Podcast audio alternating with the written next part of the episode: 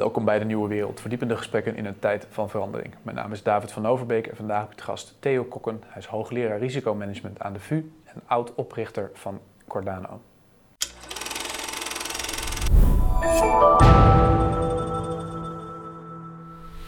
Dag Theo, goedemorgen. Um, wij zitten hier, jij hebt onlangs een artikel geschreven voor het Financieel Dagblad, uh, waarin je ingaat op een situatie met betrekking tot Archegos en Greensill. Twee hedgefondsen waar waarschijnlijk de meeste kijkers die dit nu kijken nog nooit van gehoord hebben, maar ze hebben de naam ongetwijfeld wel voorbij horen komen de afgelopen paar weken. Uh, je hebt daar uh, het een en ander over gezegd. Je zegt ook het staat voor iets groters dan alleen die twee bedrijven. Daar komen we zo meteen over te spreken. Maar wat is er precies gebeurd met het Greensill en het Argos? Kan je dat nog eens even voor de kijkers kort neerzetten wat er gaande is? Ja, nou, kort zal niet meevallen, maar, uh, maar wel kort wat er in, in, in grote lijnen gebeurd is, is dat uh, we zitten natuurlijk in een enorme uh, financiële bubbel. Hè? De, dus de reële economie die groeit niet echt. Sommige onderdelen groeien wel, sommige onderdelen niet. Ja. Uh, maar de, de, financiële economie die groeit enorm. Ja. En dan dat betekent bij bedrijven dat ze eigenlijk willen ze dat vol blijven houden, dat, dat ze ook dat waard zijn uh, en dat ze ook zelf nog, nog veel meer kunnen groeien, nog rijker kunnen worden, dat ze uh, vreemde dingen gaan doen. En ze kunnen het niet meer uit hun normale cijfers halen, dus ze gaan extreme risico's nemen. En dat kun je doen door of meer leverage toe te passen, meer schuld aan te gaan en met schuld bepaalde posities in te nemen en dan hopen dat die posities rendement opleveren, want dan wordt het een soort multiplier krijg je dan hè, met, je, met, je, met je leverage. Dat je leent goedkoop en je maakt rendement erop. Precies, ja. ja. En al maak je nog maar 2% rendement, maar als je tegen 0 kunt lenen, dan, uh, dan krijg je enorme, als je dan met een factor 10 uh, leveraged, dan krijg je 20% rendement. Dus dat, dat, is allemaal een fantastisch uh, miracle.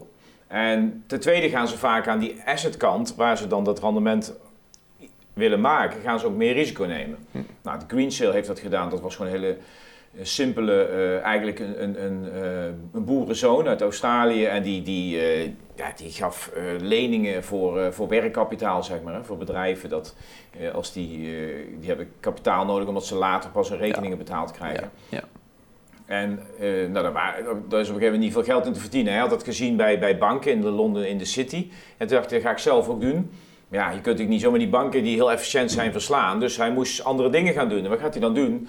Toen ging hij veel meer risico nemen. Dan ging hij in, in, in grote uh, vastgoedprojecten kopen. En dan ging hij zijn vriendje Gupta in de staalindustrie ging die helpen. En dan ging hij een bankje oprichten in Duitsland. En dan ging hij 60% van die bankbalans ging weer beleggen in, in, in, in die bedrijfjes van Gupta. Ja. En Gupta is uh, zo goed als failliet. Uh. Dus dat was een laatste strohalm van die Gupta. En ze hebben met z'n tweeën hebben ze zo'n beetje de boel voor de gek gehouden. En uh, dat is miljarden miljarden eh, geld nu eh, zoek. En ehm, met uh, Archegos, dat was een man, ehm, Bill Wang. Ja. En die, die was veroordeeld voor insider trading. Die had allemaal echt hele foute dingen gedaan. Die had meer dan 50 miljoen heeft hij moeten betalen, privé, aan, aan de regelgevers. Omdat hij dus gewoon ja, crimineel was geweest. Maar dan niet voor veroordeeld in gevangenis, maar wel geschikt. Hè? Ja. En die man begon een jaar later eh, met een, uh, met een family office. Family office, uh, dus om, om ja, zeg maar buiten de bankaire wereld om geld te gaan verdienen.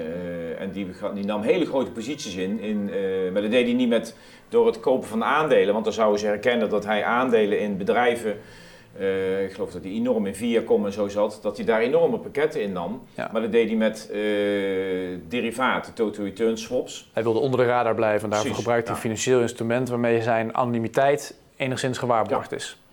Nou, dat kan dus. Hè. Zo, uh, tot zover nog goed, maar nou wordt het interessant, want, en dat geldt eigenlijk ook voor Green maar waarom kunnen die mensen dat dan doen in zo'n periode? Omdat die banken ook bijna geen marges meer maken op een gewone uh, renteproducten. En uh, net als in de, in de subprime-markt waren de gewone hypotheken niet meer interessant. Dus gingen ze meer risico nemen met subprime hypotheken. Mhm. En zo gingen ze hier, gingen ze uh, uiteindelijk... Um, gingen heel veel banken zoals Credit Suisse en zo, die, en, en, en ook Goldman Sachs uiteindelijk, gingen ze investeren in, uh, in die man. Want die man die, die had enorm veel omzet. Ja. En als je enorm veel omzet hebt, kun je dus ook enorm veel rendement maken op zo'n man. Want hij, hij deed gewoon allerlei uh, complexe producten en zij, zij kregen daar een beetje marge op. Ja. En bij Prime Broker heette dat uh, vanuit die investment banks. En, daar, ehm, en dat gebeurt altijd als, als die, die, die hele markt aan het exploderen is en er is eigenlijk niet veel meer extra te, geld te vinden waar ze met gewoon zeg maar financieel nuttige uh, dingen uh, geld kunnen maken, nuttige activiteiten, dan gaan ze naar die, de meer speculatieve activiteiten. En dat ja. gebeurt eigenlijk in iedere crisis opnieuw. Ja. En daar, nou, daar zijn dit twee extreem, zijn een enorme het gaat over tientallen miljarden bij het Archegos dat, dat die banken verloren hebben. Ja, nu ging het nog maar net goed met, in het geval van Archegos, maar dit is wel de, de kern van jouw betoog. Jij trekt eigenlijk aan de bel in het Financieel Dagblad. Je zegt, ik zie hier een parallel ontstaan die we ook in de opmaat naar de financiële crisis hebben gezien en misschien ook wel andere crises. Namelijk een, een gedrag waarin mensen steeds meer, ook banken als facilitator, uh, investeerders, maar andere bedrijven ook, steeds meer financiële activiteiten gaan ondernemen, of gaan onder, uh, sorry, ondernemen. Uh, ze goedkoop kunnen lenen, zodat daarmee interessant wordt om ook op de beurs te gaan beleggen of andere, op andere, via andere, andere financiële instrumenten, om, vanwege het, het multiplier effect wat je net al even aangeeft. Maar, dat, wat je ook zegt, er ook allerlei schimmige constructies omheen zitten. Dus het gaat in het geval van Argos ook nog eens een keertje gepaard met... Ja, die investeerder wil nog niet bekend worden. Dus inderdaad, normaal neem je een positie in in een bedrijf... en dan als je boven een bepaald, bepaalde grens uitkomt in je percentage aandeel... dan moet je bekendmaken dat jij dat bezit. En hij wilde wel profiteren van de prijsstijging of de prijsdaling van, dat, uh, van de waarde van dat aandeel... maar niet bekend worden als iemand die daar op die manier in zat.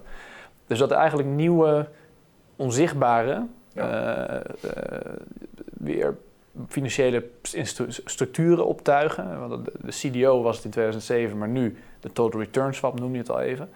Um, ja, die bestaan al lang. Hè? Die, bestaan al langer. Jaren, maar, Net zoals de CDO natuurlijk ja, ook. Die bestond ook al tientallen jaren. Maar in één keer gaat dat verkeerd. Hoe zit hem dat precies? En waar, waar bestaat die parallel nog meer uit die je ziet? Nou, ten eerste, uh, of ten eerste, wat we net bespraken, hè, dat, dat, uh, dat je eigenlijk met, de gewone marge, met het gewone margebedrijf geen geld meer kunt verdienen. Dus mensen andere risico's gaan zoeken. Ja. En dat ze ook, uh, je kunt eigenlijk met die andere risico's ook niet extreem veel meer rendement maken. Dus je moet op een, een of andere manier gaan leveragen. Dat is eigenlijk altijd de combinatie van meer risico nemen aan de assetkant en, en een soort extra leverage opzetten dat je met dat vreemde vermogen uh, meer rendement kunt gaan maken uh, op je totale eigen vermogen. Mhm. En daar, dat, dat, is het eerste, dat zijn de eerste twee stappen. Dat gaan ze dus ook steeds meer doen naarmate die, die financiële economie enorm veel weggalopeert, zoals ik het noemde, van de, van de reële economie. Ja. Moet je andere dingen gaan doen om dit nog te rechtvaardigen, die hoge financiële economie? Hm. En uh, nou ja, de, de, Europese Centrale Bank helpt daar natuurlijk op haar manier aan mee, maar uh, je ziet altijd in, in, in grote uh, zeg maar booms van, van financiële markten dat, dat die dingen gebeuren. Dus meer leverage. In de jaren 20 gebeurde het heel veel. Ja. En, en, en nou, de jaren 80 en de jaren 90 in de emerging markets. Altijd hetzelfde patronen. John Kenneth Galbraith heeft er een hele mooi boek over geschreven. En uh, krijgen we als econometrist helemaal nooit in onze opleiding. Maar dat is juist, dit is juist echt waar, je, waar je van kunt leren, dat gedrag. Hm. En daarna gaan ze ook altijd inderdaad schimmiger worden. Want het wordt te veel, te veel leverage, te veel uh, risicovol. Dus je moet ook dingen van of je houdt van de balans af, of je noemt het hedge accounting, uh, zoals bij Vestia gebeurde in Nederland, hè, een van onze grootste schandalen hier in Nederland. Ja. Het moet allemaal schimmig, het moet uh, ja, op het randje van, van, van de. En, en op een gegeven moment gaan ze natuurlijk ook over het randje heen. En omdat de ene het gaat doen, gaan de anderen het ook doen. Want ze zeggen ook bij de banken gingen ook allemaal meedoen. Hoe kan het in hemelsnaam dat die dat Credit Suisse en Goldman Sachs, Goldman Sachs hebben een hele goede risk management en die zeiden ook, we moeten dit niet doen. Maar op een gegeven moment was er zoveel druk, er komt zoveel pressure om, om mee te doen. Want ja, die andere banken maken allemaal geld bij die Bill Wang, wij moeten er ook geld gaan maken. Ja. Dus uh, ja, die, die, ze gaan allemaal mee. Ja. En het gebeurt altijd dat ze allemaal gaan schuiven. En, uh, en dat, uh, ja, dat zijn fenomenen die... en dan gaan ze die mensen dus ook nog eens een keer als geniaal zien. Dus iemand die uit het niets opeens heel veel geld gaat maken ja, kijk, je kunt van um, Elon Musk zeggen wat je wil, maar hij heeft in ieder geval een, een, fysieke auto en die auto verkoopt goed. En ja, dat het bedrijf zoveel waard is, daar kun je over discussiëren. Maar die heeft iets, maar deze mensen hebben niks. De, in, in de financiële economie, als daar opeens mensen in de financiële wereld opeens heel veel geld gaan maken, dan, dan moet je normaal alle bellen afgaan. Ja. Maar wat gebeurt er? Meestal gaan we die mensen dan als geniaal zien. En uh, wordt er, ja, maar hij, hij begrijpt het en hij heeft een trucje. Hmm. Ik heb het zelfs bij, bij Vestia in Nederland van dichtbij meegemaakt, dat, dat, uh, dat je hoorde dat daar zitten die geniale jongen. En dan denk ik, die geniale jongen, uiteindelijk was hij gewoon aan het frauderen natuurlijk. dat bestaat niet geniaal in de financiële wereld. Het is gewoon leverage en, uh, risico nemen. Dat bestaat niet in de financiële sector, of eh, in de financiële wereld, ja. Ja, geniaal um, frauderen wel, maar... ja, uh, maar genie op zo, als zodanig. Je kunt niet zomaar uit, uit, het niets geld maken, weet je. Dan, dan moet er ergens... dat is, je kunt wel uit het iets innovatiefs bedenken in, in, in, de reële economie. En daar kun je geld mee verdienen, kun je stinkend rijk mee worden. Maar als je in de financiële economie opeens rijk wordt, dan, dan is er vaak iets aan de hand. Ja. Nou is natuurlijk Tesla gaf je het even aan als voorbeeld. Je natuurlijk ook al van zeggen van ja, het is al 15 jaar bestaat het. En afgelopen jaar hebben ze voor mij voor het eerst winst gemaakt. En dat was dan ook nog eens een keer omdat zij vanwege de manier waarop uh, met aandelen of met uh, CO2-emissies dat systeem zei vanwege hun, uh, energiezuin of vanwege hun, elektrische auto's daarmee heel veel geld terugkrijgen en daarmee een positief resultaat hebben laten zien aan het einde van het jaar. Daarvan zeiden heel veel mensen, hoe kan dat? Zo'n bedrijf dat al 15 jaar bestaat, maakt nu pas winst en zo gewaardeerd. En nu zien we eigenlijk dus in de financiële sector ook Mensen die dus niet eens, zoals Elon Musk, dan nog een elektrische auto hebben. Maar eigenlijk met helemaal niks inderdaad ook diezelfde soort, die gekte zien we ontstaan. Want met Tesla vind ik, ik, ben ik, ik snap die waardering van Tesla niet, maar ik snap hem wel. Want iedereen is nu uh, in, in een soort euforische staat. En dit zijn natuurlijk de, de nieuwe wereld. Nu wordt het anders. Hè? Nu wordt, dit, dit wordt het uh, nieuwe Apple van deze wereld. Tenzij er natuurlijk hier uh, concurrenten komen en uh, er niks van uh, dat bedrijf. Maar hij kan nu geen winst maken. Hoe kan hij straks winst gaan maken als de Toyota's van deze wereld ook alles 100% elektrisch maken? Dus, ja. Maar daar kun je over discussiëren. Weet Dat, dat, dat vind ik leuke discussies. En ik mag van mijn zoon ook niet te veel grappen maken over Elon Musk en zijn, zijn uitspattingen toen ook met GameStop en zo. Hè, dat hij. ja, ja dat hij daar mensen zit te helpen om, om, om die aandelen te kopen. En zeggen ze, ha, we hebben die shortsellers mooi uh, te pakken. Maar ze hebben zichzelf te pakken. Dat is natuurlijk enorm slecht wat daar gebeurt. Is dat die jonge mensen aanmoedigt om te gaan kopen. En daarna stort zo'n aandeel van 450 weer gewoon in naar, uh, naar een paar tientjes. Nou, als mensen trouwens nu zitten te kijken denken, waar gaat het over GameStop? Ik heb een gesprek gehad met Anna Grebrechikova hierover. Wat verschijnt nu in beeld, kunnen mensen even doorklikken en dan nog even terug bekijken. Maar ga verder inderdaad met, uh, met je verhaal.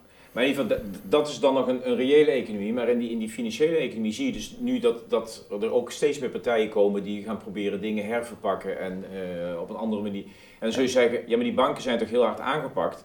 Die banken doen ook niks meer. Hè? De gewone bank, zeg maar in Nederland, hoef je niet druk van te maken. Die is gewoon gecapitaliseerd. Die zit alleen maar na te denken over witwas, uh, fraude. Uh, ze moeten zich al allemaal regeltjes houden. Ja. Dus het gaat vanzelf wel weer ergens anders heen. In dit geval naar een family office, weet je. Dat, en dat werd een, uh, dat is gewoon een verpakt uh, hedge fund en dat had ook een bank kunnen zijn. Ja. En die, en die, uh, die Greensill man, die kocht wel een bankje in, voor 10 miljoen of zo in Duitsland. En die ging die helemaal oppompen en opblazen en weer 10 miljard verlies. Ja.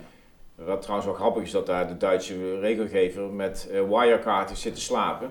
Ja, Wirecard vorig jaar. Een, vorig jaar een onderneming die, uh, die allemaal kantoortjes had overal in de wereld en die kantoortjes waren gewoon helemaal leeg. Ja, er bleek ook een paar miljarden te missen. Precies, heel veel miljarden te missen. En, en uh, toen gingen mensen daarover uh, klagen. Zeiden van dit, dit kan niet kloppen, hè, de Financial, Financial, Times journalisten. En dan gingen mensen shortcellen, zeiden van dit bedrijf gaat kapot. En toen gingen de, regelgevers zeggen, ja dat shortcellen is fout. Ja, dat is foute boel. En er is een soort gevoel dat shortcellen fout is. Maar shortsellers zijn heel vaak mensen die gewoon weten dat er iets niet klopt. Hm. En dat er... Uh, vaak zeggen ze het ook en zeggen ze ja, maar jullie zijn de markt aan het manipuleren door negatieve berichten te. Uh, ja.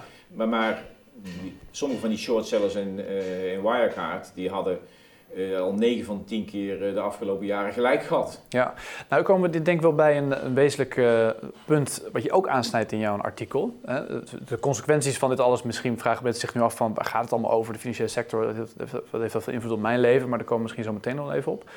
Um, maar in ieder geval, in ieder geval in dat Wirecard zag je net heel duidelijk niet alleen dat de, de, de Duitse financiële autoriteiten zeiden van shortcellen is slecht, maar ze werkten zelfs de Financial Times journalisten die het al het idee hadden van hier is iets niet goed, werden actief tegengewerkt. Werden aangeklaagd. Werden aangeklaagd, er werd intimidatie opgezet ten opzichte van die journalisten inderdaad. Um, uiteindelijk is dat uh, opengebroken. Vorig jaar is het verhaal losgebroken en de financiële, Financial Times heeft ervoor ook terecht veel krediet gekregen. Dat is voor hun volhardendheid daarin. En het ook opnemen voor, voor Ja, mooi dat, dat, dat de, top van de Financial Times gewoon helemaal die journalisten steunen. Ja, klopt. Dat is echt, echt gaaf. Ja. Maar, maar wat is gebeurt met die regelgevers, die, die, die, die, die die wordt verliefd zeg maar, op, op zo'n bedrijf. Dat is de, de nieuwe, uh, de, het grootste uh, fintech bedrijf van Europa. En uh, dat is van ons land. En dat, gaan, dat, wordt aangevallen door andere mensen. Ja. Dus dan zie je dat, dat menselijk gedrag een enorme invloed heeft op die instituten. En nou, wij, wij, leren allemaal dat menselijk gedrag irrelevant is. Hè, voor, maar er is een, dat gebeurt ook hier bij, bij deze, die, die twee schandalen waar we het net over hadden dat er een soort, affect, een soort affectie ontstaat met die bedrijven en het gaat allemaal heel goed. En dan zie je de risico's niet meer. En dat is een heel belangrijk fenomeen in, in, in risicomanagement. Dat ook een toezichthouder, als die op een gegeven moment lang met zo'n partij optrekt en die ziet allemaal goede dingen gebeuren en die, die, die ziet dus uiteindelijk wordt hij daar, krijgt hij daar positieve gevoelens bij. En daar hebben ze met heel veel experimenten uh, uit vastgesteld dat mensen dan risico's lager inschatten. Ja. Dus gebeurt nu ook, nu die financiële markten jaar in jaar uit weer omhoog gaan dat mensen de risico's niet meer zien. En dat je wel kunt gaan uh, roepen van, nou, uh, ik, ik, weet niet wanneer er een, een bast komt, hè, wanneer de boel inklapt. Maar het staat wel heel erg instabiel en heel erg hoog. Ja. En ja, als we die risico's niet meer willen zien, dan, dan gaat dat net zo lang door totdat dat er een omslagpunt komt. Ja, nou is dat dat bredere punt, denk ik. Hè? Want je haalt die parallel aan, jij zegt, je trekt eigenlijk aan de bel en zegt, ja, jongens, kijk, ze zien gewoon dingen weer gebeuren die eigenlijk in de opmaat naar de financiële crisis, andere crisis zien we allemaal terugkomen. Toch zou je zeggen, ja, na de financiële crisis hebben we toch de instituties, de economische wetenschap, de autoriteiten, hebben toch geleerd wat er fout is gegaan. Maar hoe kan het dan toch dat die blinde vlek is blijven ontstaan daarvoor?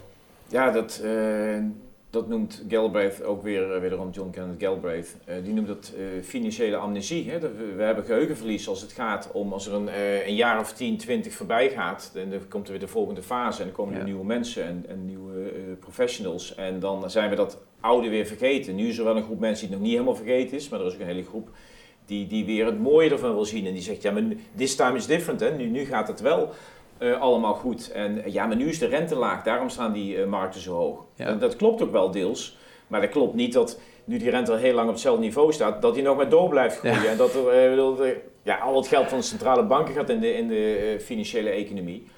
Maar wel als consequentie uh, dat, uh, dat de jongeren nu huizen moeten gaan kopen tegen uh, enorme hoge prijzen en dus heel veel schuld aan moeten gaan. Ja. dat de, degenen die al rijk zijn nog rijker worden, want die hebben die assets al. Dus de rijken worden rijker. Dus het is geen links praatje, maar het is gewoon een, een, een, een wat er nu gebeurt in de, in de, in de wereld. Door die financiële economie worden rijker rijker. Armen die gaan, moeten meer schuld aangaan. Mm overheden moeten meer schuld aangaan. Dat heeft ook een beetje met de crisis te maken, de coronacrisis. Maar dat betekent dat er eigenlijk steeds meer degenen die moeten, geld moeten besteden, dat die steeds meer in de schuld komen. Dus je hebt het hele verhaal wat we na de financiële crisis van 2009, uh, eh, van 2008, dus na, vanaf 2009 nooit hebben opgelost. Mhm. Er is gewoon te veel schuld in de wereld. En dat leidt tot een stilstand, een soort uh, debt deflation uh, noemde Fischer dat. Ja. En dat, dat zie je nog steeds. Dus als je, die centrale banken, die, die, die, snappen er niks van, hè? want dan waren we zo nog geen inflatie. Ja. er is wel inflatie, er is hele hoge inflatie in de, in de financiële assets. Maar de reële economie is er, is er niet veel te besteden. Hm, hm. Hoe zit het nou met die, met die banken? Want laten we daar toch eens op inzoomen. Als we kijken naar de blinde vlekken die zijn ontstaan bij banken, ook zoals Credit Suisse, die dan betrokken zijn bij, zo, bij zoiets en bij, bij Argos bijvoorbeeld.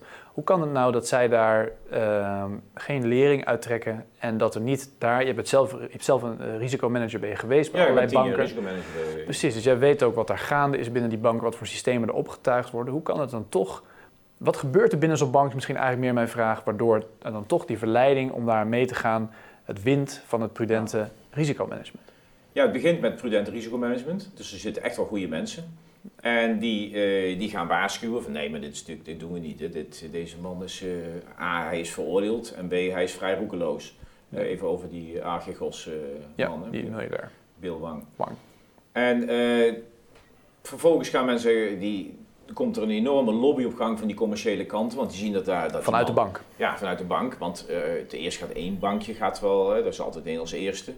Ken is de laatste tijd Credit Suisse overal bij betrokken waar het fout gaat, maar... Uh, dus die gaan daar aan meedoen. En daarna gaat er een andere bank zeggen, ja, maar zij doen ook mee. En als wij niet meedoen, dan, uh, ja, dan, dan uh, lopen ons return on equity loopt, terug. En dan komt de druk. En die risk manager wordt ook eens een keer ondervraagd. destijds in de, in de wat ik nog heel goed herinner van AIG, waar wij zelf ook soms met AIG Bank, hè, die, die destijds de hele, een van de grootste veroorzakers van de financiële crisis, ja. een van de grootste spelers in die crisis, daar werd de risk manager gewoon ontslagen. En dat was voor ons ook een signaal van, nou, daar moet je geen zaken meer mee doen, want het is gewoon levensgevaarlijk. Die heeft gewoon, de klokkenluider die wordt ja, uh, kant gesteld. Ja, dan, er is altijd wel iemand te vinden die uh, risk manager hier neerzet en die uh, tegen voldoende geld meepraat. Ja. En dan, dus het zijn altijd langzame cultuurveranderingen van, van mm. in een bedrijf en druk en peer pressure en langzaam de mensen die er tegen zijn, die nemen afscheid van zo'n bedrijf. En dan krijg je in, in een paar jaar tijd een omslag, uh, waardoor in het geval van Credit Suisse er heel veel dingen fout zijn gegaan. Waar ik me dan wel aan kapot erger is dat de risk manager ontslagen wordt hmm. door de top. Ja. En dan denk ik, maar die top heeft die cultuur. Uh, het, het, zit er bij die. Bij die uh, nou, we hebben ook een premier die niet opstapt als die fouten maakt. Maar ik, voor mij zou die, die top en de hele, eh, wat, wat, doen de toezicht, de, zeg maar de, de supervisory board van zo'n Credit Suisse, die, die, die, hebben dus zitten slapen. Die hebben niet gezien wat er in die cultuur gebeurt. Ja. Het zijn altijd cultuurdingen. Maar ja, zolang je alleen maar naar cijfers blijft kijken, dan zie je, duurt het heel lang voordat je ziet dat het fout gaat. Want het gaat juist een tijdje beter. Dat is natuurlijk altijd hè, met dit soort bedrijven. Ja. Dat het eerst gaat het een hele tijd goed. En dus ga je er nog meer in investeren. Dan gaat het nog beter en dan ga je er nog meer in investeren. En dan knalt het. Ja. Maar ja. Daar is precies ook een van de, eh, als we het een klein beetje verschuiven, dan ook weer naar de, bijvoorbeeld de autoriteiten, de financiële autoriteiten. Die hebben natuurlijk na de financiële crisis uh, allerlei wet en regelgeving opgetuigd, de Baselrichtlijnen, noem maar op, uh, om banken in het gereel te krijgen, te voorkomen dat dit soort dingen zich kunnen herhalen. Um, maar dan wordt ook nog wel eens gezegd dat ja, juist doordat banken allemaal aan dezelfde wet en regelgeving moeten voldoen, die ook vrij op gedetailleerd niveau in sommige gevallen beschrijft wat ze waar en hoe moeten doen, en hoe ze moeten handelen, dat ze daardoor allemaal op elkaar lijken. Dat creëert aan de ene kant een heel nieuw systeemrisico, want dan krijg je precies wat, denken wat je nu beschrijft. Als één bank het gaat doen, zeg je ja, dan moeten wij ook mee, want anders dan worden we gewoon minder competitief en wij worden op dezelfde parameters worden we af, afgestraft of beloond. Ehm, dus krijg je paradoxaal genoeg nieuwe, uh, nieuw groepsgedrag. Door, juist door die wet en regelgeving. Die draagt er misschien juist wel aan bij in zekere zin. Hoe kan dat? Ja, nou, dat zijn de, de ongewenste gevolgen van. Uh, en dat heeft ook te maken met onze manier van denken. Wij denken dat als wij in onze maatschappij, dat als wij op microniveau een instituut, elk instituut op microniveau beheersen. Zoals een bank. Zoals een bank, dus op micro, een institutieniveau, of meso, whatever je noemt. Hè. Ja. Uh, en als dat veiliger wordt, en dat wordt veiliger, dan wordt het systeem dus ook veiliger. Dus we doen het met de banken. Ten eerste maken we, wat je zei, hè, allemaal homogener. Dus ze doen allemaal hetzelfde, met dezelfde regels. Hm. Ten tweede gaan we heel veel druk zetten, zodat bijvoorbeeld uh, de hele trading desk van banken verdwenen zijn. Hè. Dus de groot deel van de trading desk, voor twee derde, zijn die verdwenen.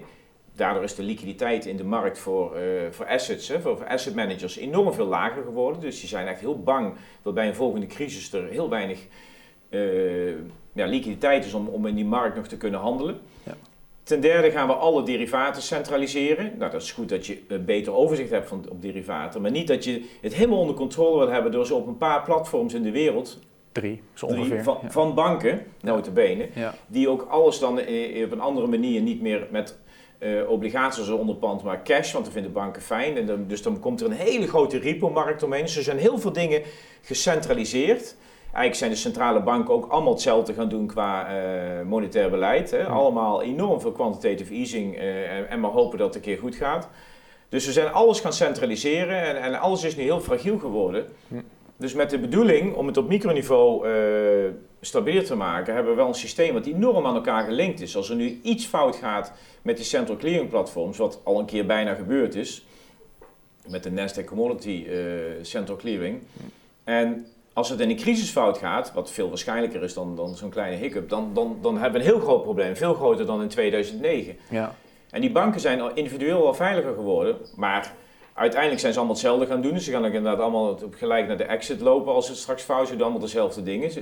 En natuurlijk is deze schandalen komen weer in de periferie van de banken terecht. Ja, ja. En daar gebeuren dan weer de nieuwe dingen. Dus de, daar heb je helemaal niks opgelost. Dus je maakt een heel schaal uh, landschap, uh, ecologie, uh, hele homogene ecologie van één diersoort aan, aan banken. Ja. En, en daaromheen kom, komt alles gewoon uit de grond als, als een nieuwe diersoorten die, die je dan helemaal niet onder controle hebt. Dus ik denk dat het systeemrisico sinds 2009 niet is afgenomen. Nee, misschien zelfs wel toegenomen juist. Ja, nou, dat weet je dus niet. Dus dat moet je eigenlijk onderzoeken met uh, dingen als uh, agent-based modeling, netwerktheorie, kijken hoe die, hoe die dingen met elkaar samenhangen, hoe ze gelijk uh, bij bepaalde strategieën, hoe dat dan tot een soort meltdown kan komen.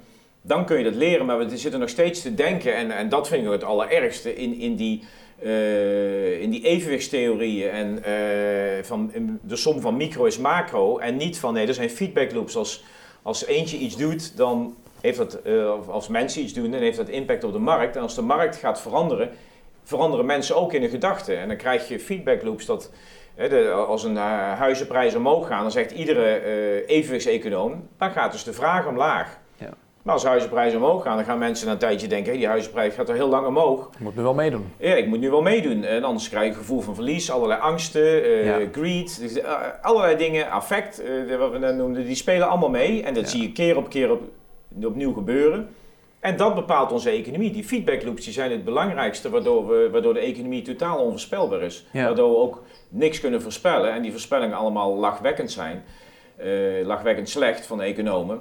En dat is niet omdat ze dommer zijn dan ik, maar ik ben alleen vrij snel gaan beseffen dat ik dom ben als het gaat om de kennis die we hebben. De beperkte in. Ja, dus er komen nu heel veel dingen voorbij. Hè? En ik denk dat in, in de kern van wat je zegt, als ik het even in mijn eigen woorden vat, um, dat wanneer we kijken, het hebben over economisch proces, of dan gaat het over wat er bij banken gebeurt, die clearing agencies en wat dan ook. Dat zijn natuurlijk allemaal even termen die nu over de tafel vliegen, maar sorry. dat maakt niet uit. Dat, dat, hoort natuurlijk allemaal bij, bij, dat hele, bij die systeemwereld, heel duidelijk. Maar waar het, het, punt is, denk ik, wat je maakt, heel duidelijk van... Ehm, de, de, som van de, de som van de delen is nog niet het geheel. Ja. Dus als jij als, als economische wetenschapper of als je in de praktijk bij een bank, je doet economisch onderzoek of je, dan de neiging die je hebt is om een probleem te isoleren, dat helemaal te gaan oplossen en vervolgens moet je het weer terugbrengen in de werkelijkheid en dan lijkt het opeens maar beperkt te passen.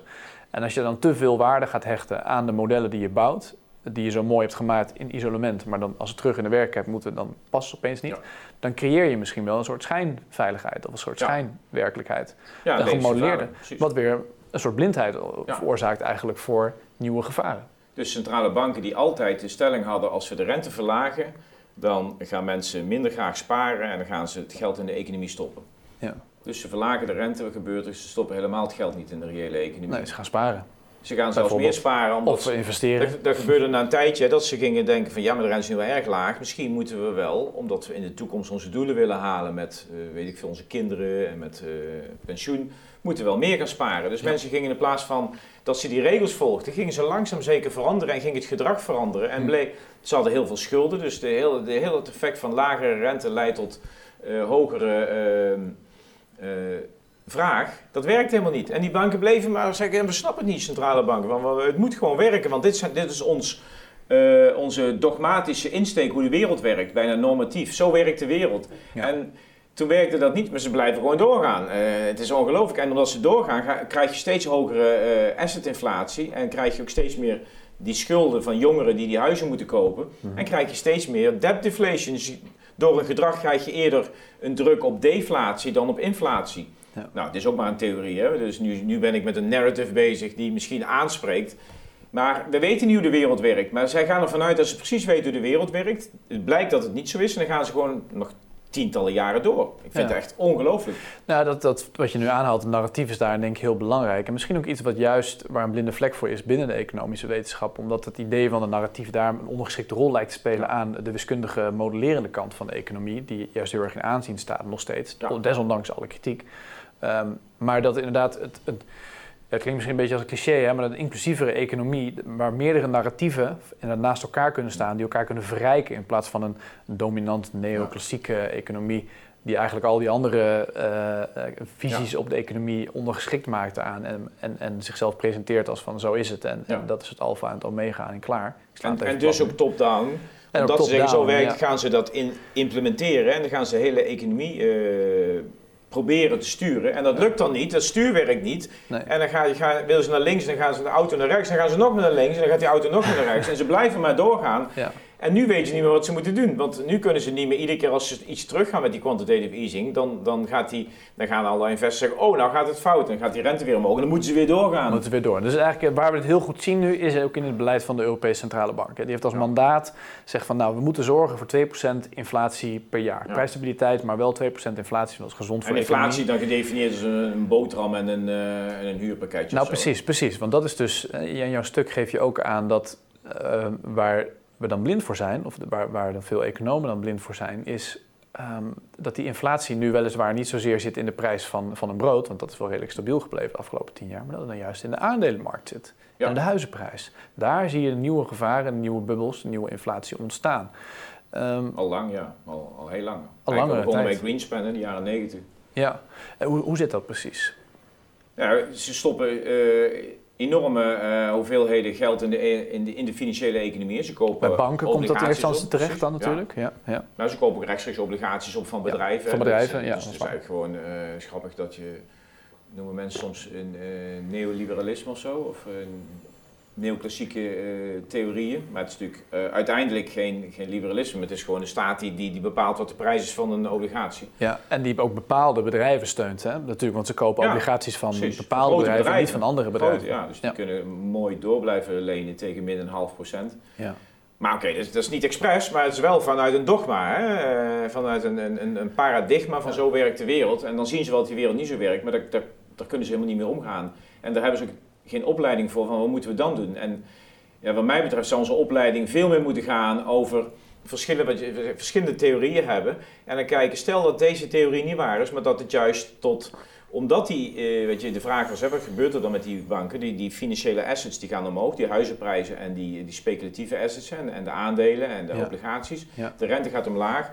Mensen gaan moeten, uh, om die huizen te kopen, meer lenen.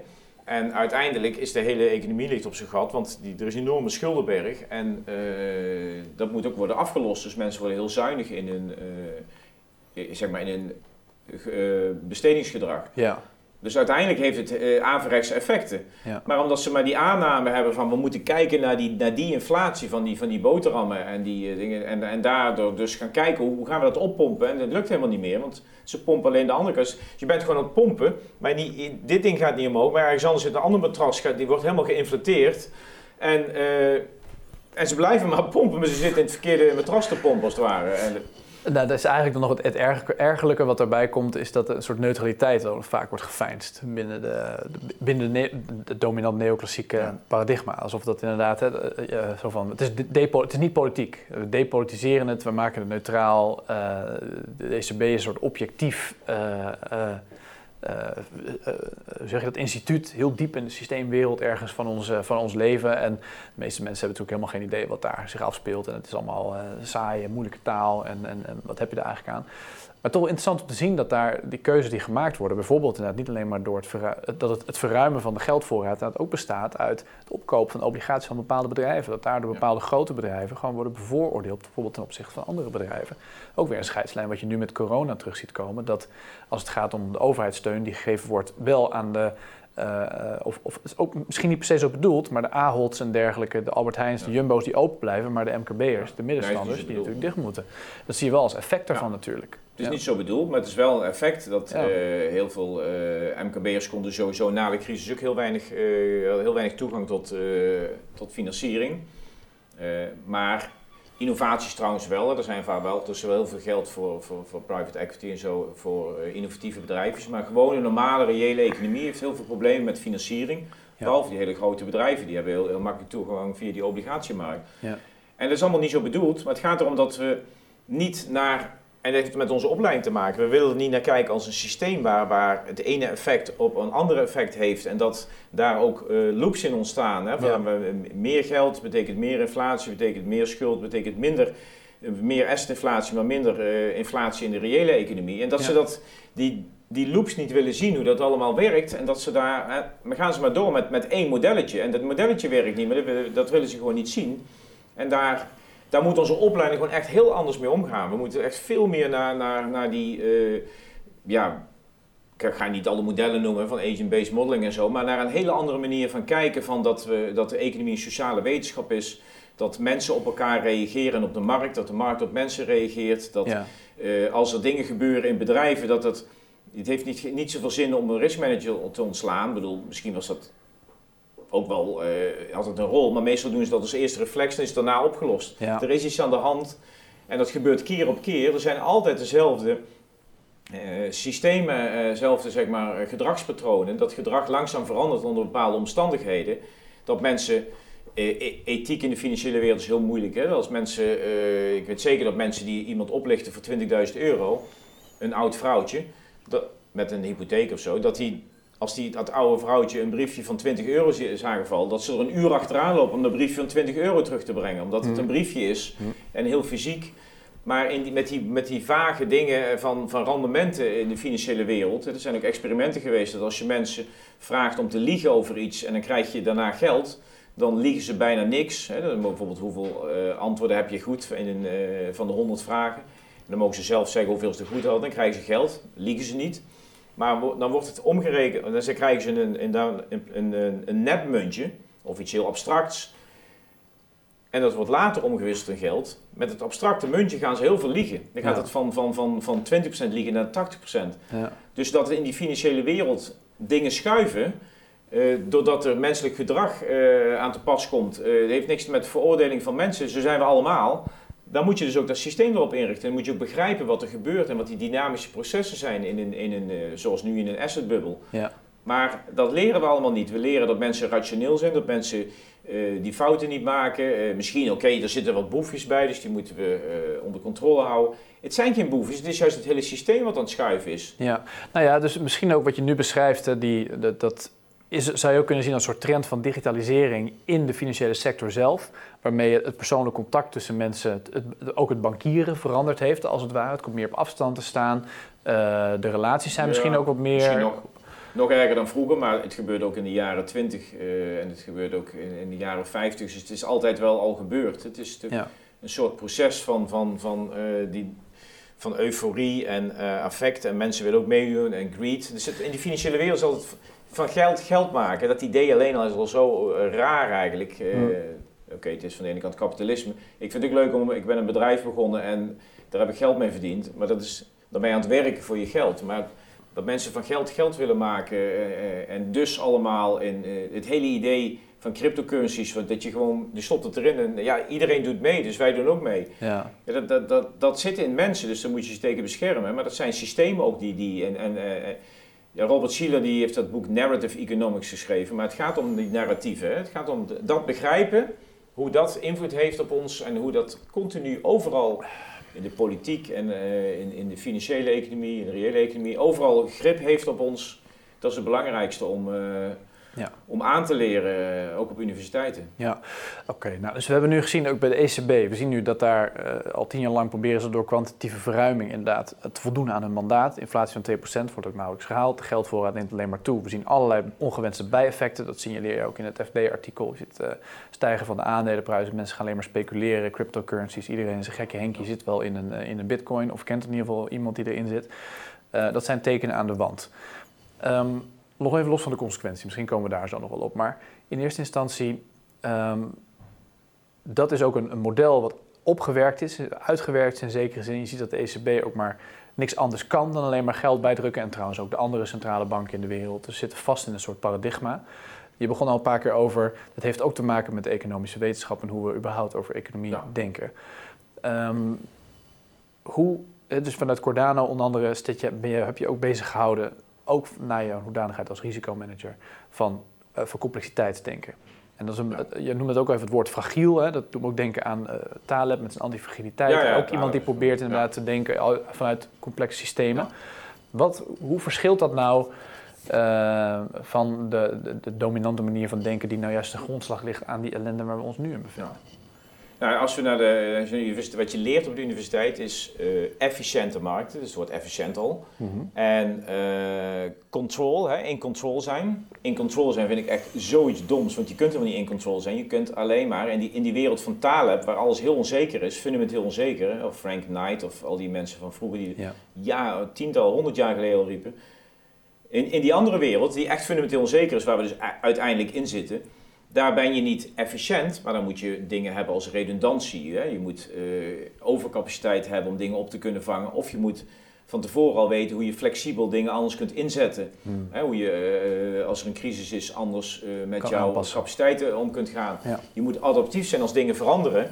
Als je ziet dat de maatschappij bij lagere rente niet meer uh, gaat uitgeven, maar ander gedrag vertoont, dan moet je daarop reageren. Maar we hebben alleen maar geleerd, zo werkt het. Dat noem ik dan, de ene wereld noem ik, waar, waar, je op elkaar reageert, die echte, echte wereld noem ik de wereld van de complexiteit, hè, van, van moeilijke feedback loops, mensen veranderen, hun preferenties veranderen. Die andere wereld waarin iedereen een robot is, is de wereld van de vaste preferenties, die noem ik de gecompliceerde wereld. Hè. Dus alles is moeilijk, maar het is wel het werkt zo en dit doen we en we zetten daar de knop op en dan krijg je uh, in control zijn. Dan krijg je de zero risk aanpak. Hè, dat zie je ook een beetje met corona. Zero risk is goed, één risico concentreer je op en dan wil je naar nul brengen. Maar je ziet niet dat het hele systeem aan het veranderen is en dat je daar heel veel consequenties hebt op andere vlakken. En, en, dat het ook allemaal weer feedback loops geeft die de boel nog erger maken. Ja. Dat is trouwens geen, geen kritiek op corona, maar het is meer in het algemeen dat, dat onze maatschappij verwijst naar experts. Hè. We hebben experts. Nee, er zijn verschillende meningen. En als één van die meningen nou fout is, hoe kunnen we dan toch overleven?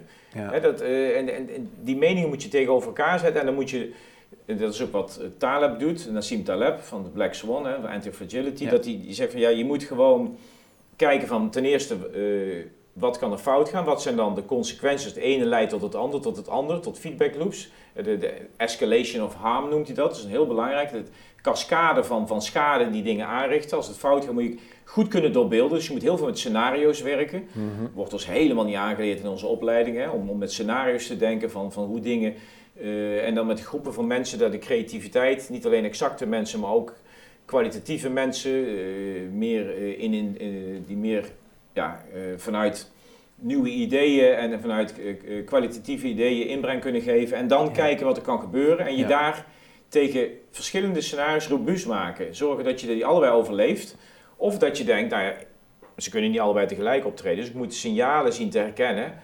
Als er dat gebeurt, dan gaan we die en die acties ondernemen. Dat is scenario denken, dat is handelen volgens scenario's. Ja. Zo ben ik bij vanuit Cardano zijn we ook met onze klanten gaan werken van die financiële modellen zijn leerzaam. Hè? Ook die, die, die moeilijke uh, stochastische modellen, uh, econometrische modellen waar ik zelf mee opgegroeid ben.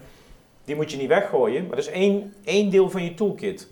Maar een heel groot belangrijk ander deel is om te kunnen doorleven. En als je het dan meemaakt, dan heb je het al doorleefd, dan kun je veel sneller uh, jezelf aanpassen. Ja. En dat zit helemaal niet in onze wereld. En de, en de centrale banken zijn het voorbeeld van lachwekkend gedrag, van totaal niet willen aanpassen. En steeds meer ingraven in je, in je confirmation bias van dit is hoe het werkt. En ja, het werkt gewoon echt helemaal niet. En het is gewoon, ja, nu, nu is het meer morfine toedienen aan de economie. Want als we het niet, geen morfine meer geven, gaan we dood van de pijn. Hmm. Dus, dus eigenlijk, je zegt er zijn een aantal. Uh, aan de ene kant, pas op inderdaad voor de hubris van controle. Dat je dingen wil beheersen, dat het beheersbaar is in eerste instantie, dat je dat aanneemt. Daar zitten al daar veel vraagtekens bij te bedenken. Uh, tweede, let ook op de, uh, de tunnelvisie die kan ontstaan. Op het moment dat je dingen echt wil gaan proberen te beheersen, dat je daardoor je blik ver, vernauwt en je niet let meer... op ideologieën. Iedere ideologie. is gevaarlijk. Ja, dat je dus inderdaad te veel gaat focussen op, op één ideologie. Dat verabsoluteer je dan vervolgens. En eigenlijk creëer je dan, je gebruikt net een hele mooie metafoor. Het is bijna alsof je een soort biotoop maakt van allemaal hele sterke dieren. Maar dan wel allemaal één soort sterke dieren. En daarmee maak je je systeem als geheel fragiel. Want als er dan één keer iets aankomt wat dat, waar precies die sterke dieren niet tegen kunnen, dan is in één keer die hele biotoop is weg. En eigenlijk is dat hele complexiteitsdenken komt ook vanuit de ecologie. Die, daar, daar zijn al, al heel vroeg in de biologie en zo zijn mensen begonnen. Uh, oh ja. Zelfs in de celbiologie. En, uh, zit, overal zit het eigenlijk. Hè, die feedback loops, dingen. Ons hele lichaam zit vol met complexiteit. Onze hersenen, dat is geen top-down denken. Dat zijn allemaal dingen die afvuren en die lopen allemaal parallel. Er zijn allemaal feedback loops in onze hersenen. Ja. En we hebben geen idee hoe het werkt. We denken dat onze hersens, dat we, we weten ongeveer waar en welk deel van de hersens we wat doen. Maar, dat, maar hoe, die, hoe ons bewustzijn tot stand komt. En uh, ja, dat, dat dat is heel complex en dat is interessant. Dat is het eigenlijk. Hè. Je zit natuurlijk allemaal van die. Uh, um, nou ja, wat net even, net had, had, ik het over de som van de delen en het geheel. Maar het zijn allemaal van die gehelen, als het ware, die we maar heel, waar we heel moeilijk begrip van hebben hoe het precies werkt. Ik noem maar de economie, één natuurlijk, hebben wij het nu over. Maar twee, ook bewustzijn. Uh, maar ons immuunsysteem bijvoorbeeld. En niet dan bepaalde onderdeeltjes ervan, dat kunnen we heel goed uitzoeken, maar als geheel. Precies, onze darmen die hebben allemaal die hebben hele enorme massa van 2,5 kilo aan bacteriën die invloed hebben op onze hersenen. En onze hersenen die scheiden weer hormonen uit die weer invloed hebben op onze darmen. En die feedback loops die bepalen hoe gezond we zijn. En dat is geen som van delen, maar dat is een, de ene dat zijn ook vaak, daarom gaat het als mensen een beetje ziek worden, een beetje stress hebben, dan gaat dat weer fout. En als dat fout gaat, gaat dat weer fout. Ja. En dan, dan blijft het zich versterken. En die, die feedback loops, die zitten in de economie overal. Die, die zitten bijna overal, behalve in Newton die die, die, die uh, appel liet vallen. Met die, dat herhaalt zich continu op dezelfde manier. En daarom werden we, zijn we nu Newtoniaans aan het denken, hè? of, of eh, Descartiaans Descartiaans van, van de Descartes. Te, te, veel als mensen zijn geen onderdeel van die natuur. Precies. Wij staan daar buiten, wij kunnen hem beschrijven, wij kunnen die ook wel beheersen. En als we maar goed ons best doen naar onze hand zetten. Ja, een beetje dat, dat, dat is het uitgangspunt. En het is geen machine, het is een, uh, het is een continue aanpassing. Het innoveert, het verandert. gebruiken van statistieken bijna geen zin in een wereld die zo snel verandert al die mensen zeggen, kijk dan naar de rente van in het verleden en die, dit, dit en dat is een mean reversion in die rente. Ja, totdat er geen mean reversion meer is, zoals nu. Hè, dat de rente weer naar, vroeger zei ze al, de rente gaat altijd weer terug naar een niveau van 4 of 5. En als je erboven zit, gaat hij omlaag en daaronder gaat hij omhoog. Ja. Ja, totdat het niet meer gebeurt. omdat we nu in een andere wereld zitten. We zitten niet meer in die industriële revolutie met grote bedrijven die hele enorme investeringen in fabrieken moeten doen. En een, een soort tijdelijk evenwicht in, in de rente. Maar die wereld is veranderd en nu zitten we in een, in een ja, bijna chaotische situatie in de wereld. En dat uh, in de financiële wereld. Ja. Ja, overal misschien wel. En dat heeft ook weer impact natuurlijk, want die financiële wereld slaat weer terug door die ongelijkheid. Ook op de reële economie. Op de, ja, en ook op de uh, geopolitiek en op de, de, de, mensen die gaan... Er komt steeds meer onvrede door die, door die ongelijkheid van die centrale banken. Ik zeg niet dat zij het expres gedaan hebben, maar ze creëren steeds meer inequality. En dat leidt weer dat armen uh, meer schuld krijgen en die worden uh, wantrouwig tegenover de overheid. Ja. En je krijgt dus de, steeds meer extreem denken. En uh, het hele Trump-denken is, is helemaal niet zo verrassend als je ziet hoe die mensen daar in, in, in Midden-Amerika moeten leven. Dus dat, dat, dat heeft allemaal, dus die financiële economie en de echte, echte wereld hebben ook allemaal feedback loops met elkaar. Ja. En die, die negeren we ook. Goed, een oproep om meer inderdaad uh, vanuit het geheel te denken en minder vanuit de onderdeeltjes in een isolement, om maar even zo te zeggen. Um, nog even laatste vraag, Theo. Dat, um, we zien natuurlijk nu ook in je, in je stuk wees je daar op de, de, inflatie die zich vooral afspeelt buiten de, de, de blik om van veel uh, van, van economen en van beleidsmakers. Want het zit vooral in de huizenprijs en in de aandelenmarkt. Wat is nou, hoe gaat dit ons raken als dit alleen maar zo doorgaat? Uiteindelijk het gaat mis. Waar, gaat, waar gaan de klappen vallen? Ja, een van de logische scenario's is natuurlijk dat het een tijdje doorgaat, dat er op een gegeven moment een omslagpunt komt en uh, dat iedereen zo'n beetje alles ingestapt in die markt en dat iedereen al zijn geld erin heeft gestopt. Ja. Uh, grappig dat trouwens de, de, de programma's in Amerika waar, men, waar geld wordt uitgedeeld, dat, dat daar een derde al naar de aandelenmarkt gaat. Ja, Gewoon mensen stoppen die stimulus packages alleen maar uh, Precies, gaan ze sparen ze en met bestedingen die, die ja. hebben niet zoveel zin. Ja. Maar, dus er komt een punt, maar je weet nooit waar, hè, waar de tipping point, het Minsky moment, zoals ja. Hyman Minsky dat noemde in de, de film Bombas Bom, die iedereen uh, nog even moet zien natuurlijk. kijken op Zeker. twee, twee ja. Ja, gemaakt. Hebben we nog helemaal niet over gehad, maar goed, ja. Dat nee, dat maakt niet maar, die, uh, maar dat, waar, waar dat punt is, dat weten we nooit. Maar als, het, als er die, die, die, die paniek komt, dan, dan kan het extreem inklappen.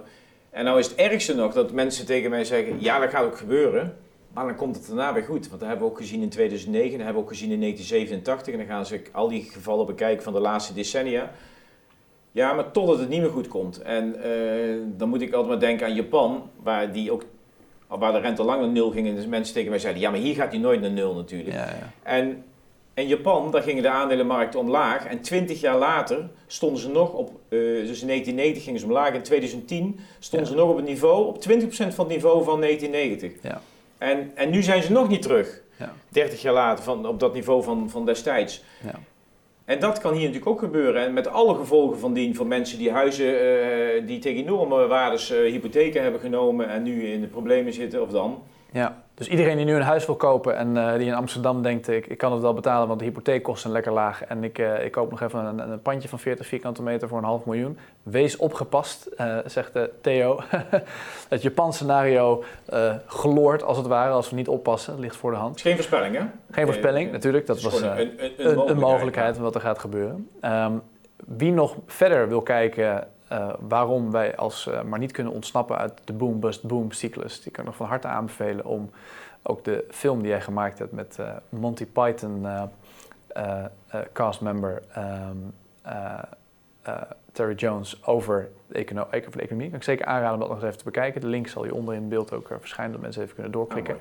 en ja, Theo, ik wil je bedanken voor, voor dit geanimeerde gesprek. Ja, graag gedaan. Leuk.